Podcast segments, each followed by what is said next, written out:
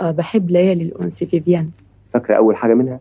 أجرب. جربي ولو ما طلعتش كويسة تبقى الحق عليك. الحق عليا أنا. أنا المسؤول يا ستي. ليالي الأنس في بينا نسمها منها والجنة. ليالي الأنس في بينا نسمها منها والجنة نغم في الجو له رنة سمع الطير بكى وغنى الله. مش فاكرة أكتر من كده. لا يا شيخ. لا ده انت يظهر إنك أنت بخيلة. هاي مقابلة من أرشيف إذاعة بي بي سي سنة 1956 مع مطربة برزت على الساحة الفنية بالخمسينات أو قبل شوي تقريبا. غريب كيف عم تحكي بخجل وتواضع وهي بتملك صوت عظيم. هالفنانة ما بخلت علينا بحرفية أدائها بس يمكن ظروفها ما ساعدت تترك لنا أعمال كتيرة. هالمطربة هي نازك وكانوا يقولوا إنها توأم أسمهان. دم دم دم دم دم. لما بدا يتثنى لما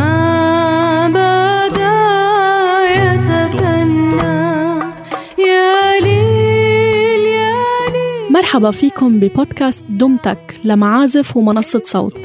أنا رنا داوود وبهالبودكاست منروي سيرة فنانات عربيات موهبتهم جابت لهم وجعة راس بحياتهم بس أنتجت لنا مخزون موسيقي منروق فيه راسنا. دمع ودمع خلصوا دموعي ونار لوعتك وضلوعي دمع ودمع خلصوا دموعي بالحلقة الثانية من هالسلسلة رح نروي قصة المطربة نازك يلي تعد من الجيل الأوسط بزمن الطرب. الجيل يلي إجا بعد أم كلثوم وأسمهان وليلى مراد ويلي عايش شادية وسعاد محمد وفايزة أحمد. أنا والنجوم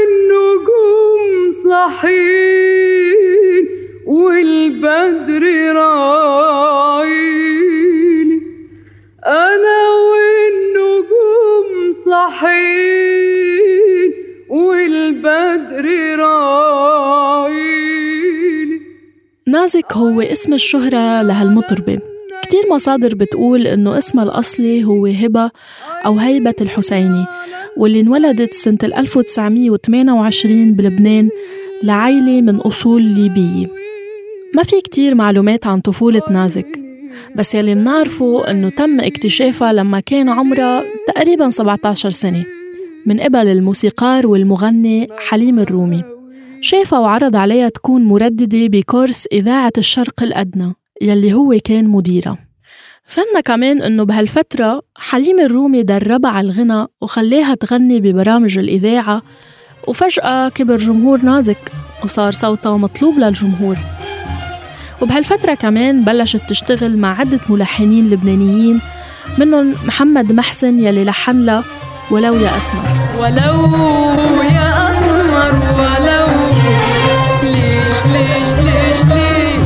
غيرت الجو من شو غير من زالك شو غيرك حبك صاير لو لو لو لو يا أسمر ولو حسب النقاد بيمتاز صوت نازك بتعدد خاماته وبتتراوح تلاوينه ما بين الشجي والجهير والرطب.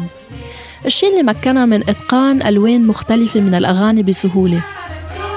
والحقيقة إنه منلاحظ هالشغلة لما نقارن ما بين أغانيها بالأغنية اللي سمعناها قبل شوي وأدائها لأسلوب آخر تماما مثل أغنية نور الصباح ما أحلاه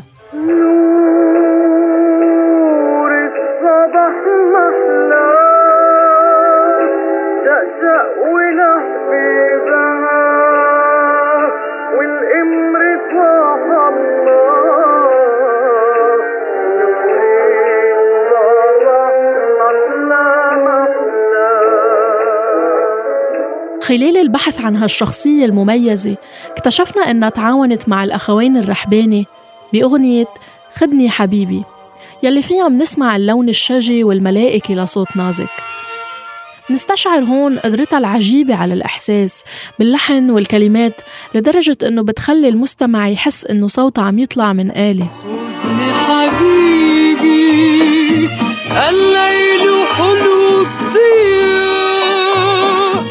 والنهر غض الصفا عبر الممر الرحيب.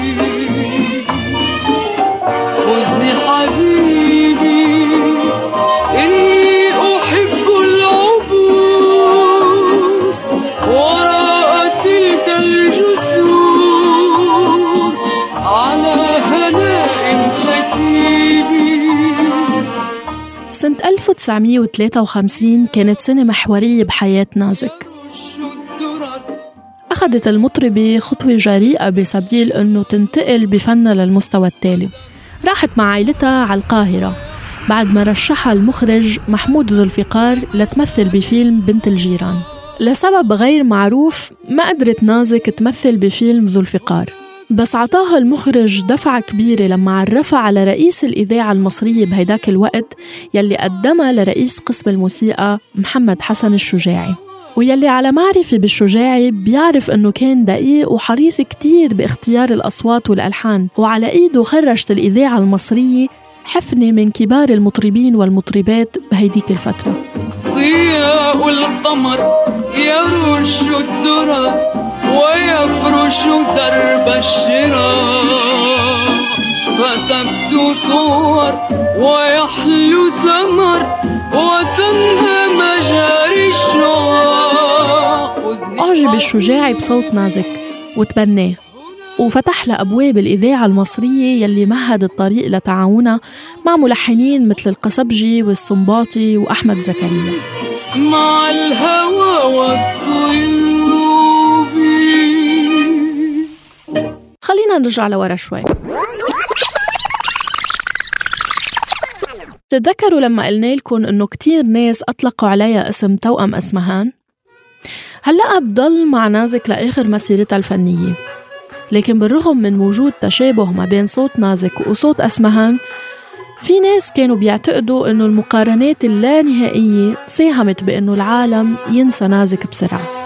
هاي المقارنات برأي البعض قلصت نازك لمستوى الشبيه الغنائي يلي ما ساعدوا الخجل على الوصول للنجومية اللي بيستحقها فكان نجاحها مؤقت وعابر. يا حلو تحت التوتة بحر البلد بشوية كانت لنا حدوتة تشهد عليك وعليا.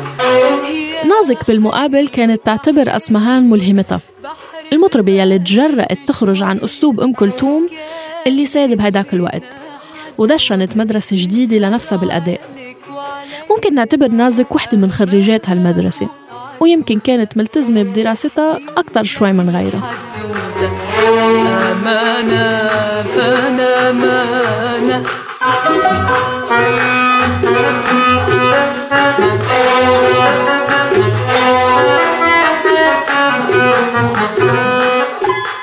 وقت ما ذاع صيت نازك كان فريد الأطرش بعده موجود. كان من الصعب يصدق إنه في حدا ممكن يضاهي أخته الراحلة أسمهان بعظمة صوتها. بس لما سمع نازك فعلا انعجب بصوتها. في مرة التقت نازك بفريد الأطرش وطلبت منه إنه يسمح لها تغني أغاني أسمهان اللي لحن لياها. فريد الأطرش مش بس رضى على أدائها لأغاني أخته لا وكمان لحن لها غنية جديدة بعنوان ما تقولش كنا وكان هالغنية انعرفت فيها نازك وزادت لها من شهرتها واستمرت بأداء أغاني أسمهان بحفلاتها. ما تقولش كنا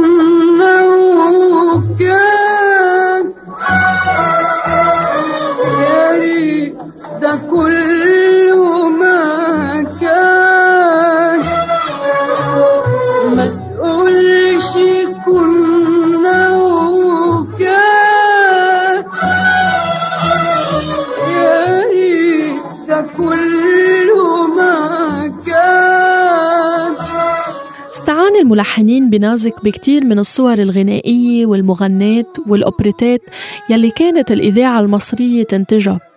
مثل البرنامج الغنائي حلم شاعر للملحن أحمد عبد القادر ومغناة القاهرة والنيل يلي منلمح فيها بعد جديد لأداء نازك وبتطغى عليه خصائص أوبرالية. تعتمد فيها على المد بشكل أساسي وعلى الاقتصاد بالعرب.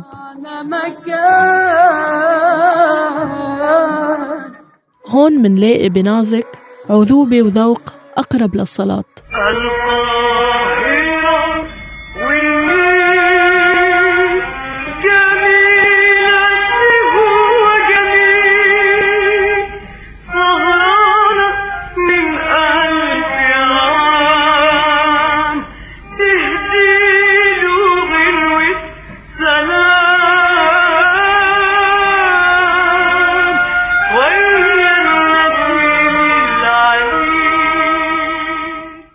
تصوير نازك فيلم كل دق في قلبي اللي أنتج سنة 1959 وكأكبر مثال بجسد خجلها الفارط وتدينها بتقول بعض المصادر اللي يعني منقدرش نقسم بصحتها بس الفكرة إنه كان مطلوب من نازك تقول كلمة بحبك قدام الكاميرا. نازك استصعبت هالشي كتير لدرجة إنه المخرج أحمد ضياء الدين اضطر يصور المشهد عدة مرات لحد ما قدرت نازك تنطق هالكلمة. هالفيلم مثل فيه محمد فوزي وسامية جمال. كل في قلبي بتسلم عليك يا من زمان عينيك في مشهد بتشوفوا فيه المطربة نازك بفستان فاتح طويل على خشبة مسرح بسيط. ما في أي ديكورات عدا عن رسم للشخصية الكرتونية دونالد دوك بالخلفية غالبا لأنه الأغنية عم بيأدوها بمدرسة. حبك يا أمي يجري في دمي وكل غالي رخص عشانك سهرتي جنبي وشلتي همي وكل ما أكبر يكبر حنانك المشهد غريب والأغرب منه هو قديش نازك مبينة خجلانة. كانت واقفة وعم بتغني أغنية للأم مع محمد فوزي. الأغنية كان اسمها أحن قلب. فهن واقفين قدام جمهور من الأمهات والأولاد. يعني هو السياق تبع الفيلم مش كتير مهم بس المهم إنه هالتجربة السينمائية الوحيدة اللي مرقت فيها نازك. خلال هالمشهد بالأغنية كان كل الوقت في مسافة مدروسة ما بينه وبين محمد فوزي. هو بيكون عم بجرب يحط إيده على كتفها أكتر من مرة بهالمشهد بس بتحسوا إنه هيك بحذر. هل كان مطلوب منها تعمل هيك؟ هل كانت خجلانة؟ ما منعرف لكن بالتأكيد أدائها كان آلي. هيك روبوتي وبحسسكم بعدم الارتياح شوي. كأنكم قاعدين على أعصابكم بس بالمقابل في شي بصوت هالمخلوقة بخليكم تحسوا براحة عظيمة. ويمكن بهديك الوقت صوتها ما تقدر كفاية. على شفايفك وانتي اسمك في قلبي غنوة. وكل لحظة بيبان لي عطفك في كلمة حلوة ودعوة حلوة. بعد هالتجربة حاول محمد فوزي يرشحها لبطولة أفلام تانية. بس نازك رفضت كل هالعروض اللي إجتها وفضلت تركز على المسموع وهيك كانت الإذاعة ملعب نازك الحقيقي ومسرحها المفضل. فينا نقول إنه القاهرة أنصفت مطربة مثل نازك ولقت بصوتها قدرات مذهلة. ما كانت اكتشفت تماما خلال الحقبة اللي عاشت فيها بلبنان. اسمعوا مثلا هالتسجيل لأغنية ليالي الأنس في فيينا بصوت نازك. خلال حفلة على متن سفينة سودان اللي كانت عم تبحر على نهر النيل. مرة أخرى نقدم لكم المطربة نازك ولكن من مسرح الإذاعة العام. آه، تغنينا المطربة نازك. ليالي الأنس ليالي الأنس في بينا نسمها من هوى الجنة ليالي الأنس في بينا نسمها من هوى الجنة. نغم في الجو له رنة سمع الطير بكى وغنى لكن بأواسط الستينات تركت نازك القاهرة وزارت وطن عائلتها الأصلي ليبيا. هنيك أدت أغاني ليبية منها الله أكبر عزتنا في الإسلام وبعد التلاقي ما عنا كتير تفاصيل عن هالفترة بس حابين نشارك معكم مقطعين من بعض هالأغاني. اللي على فكرة جزء منهم تراث ليبي. قد أشرق النور في أيامنا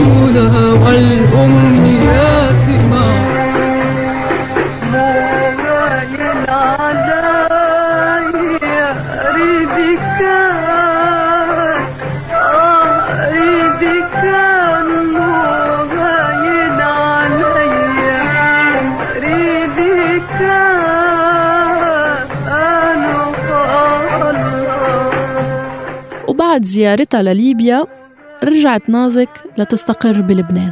بس يقال إنه بعد رجعتها عانت نازك من تراجع بنفسيتها. وكان عامل أساسي بإحساسها بالفشل هو بعدها عن القاهرة. الموطن الحقيقي يمكن لصوتها. رجوعها على لبنان بوقت ما غطت فيه الصحافة أي من إنجازاتها. يمكن شعرت نازك إنه مش مضطرة تحارب من شان الناس يسمعوها بلبنان بعد ما حققت كل هالنجاح بمصر.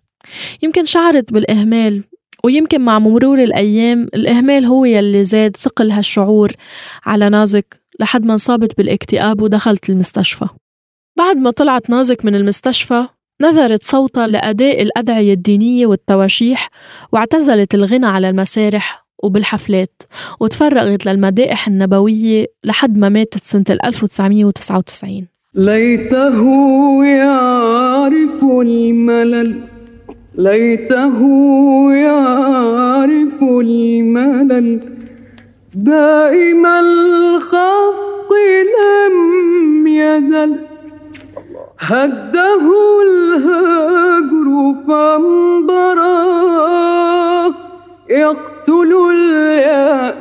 بالأمل. الله. مذ وعدت اللقاء في عاجل. هيك بتنتهي قصة هالفنانة الجميلة. فقدنا نازك المطربة الخجولة صاحبة الصوت الأسمهاني. رحلت عنا هيك بهدوء. وتركت لنا منتوج موسيقي يمكن ما يكون كبير بس هالقد حلو ومميز مش هقول إنت وحدك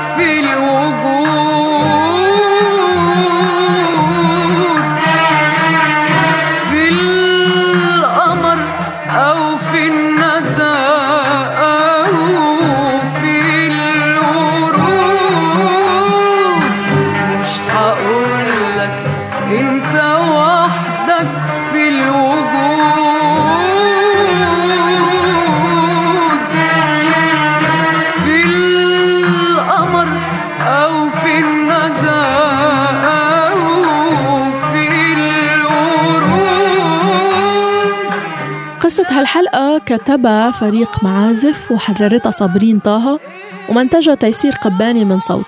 وقدمت لكم إياها أنا رنا داوود. ما تنسوا تشتركوا بقناة دمتك على أي وسيلة بودكاست بتفضلوها.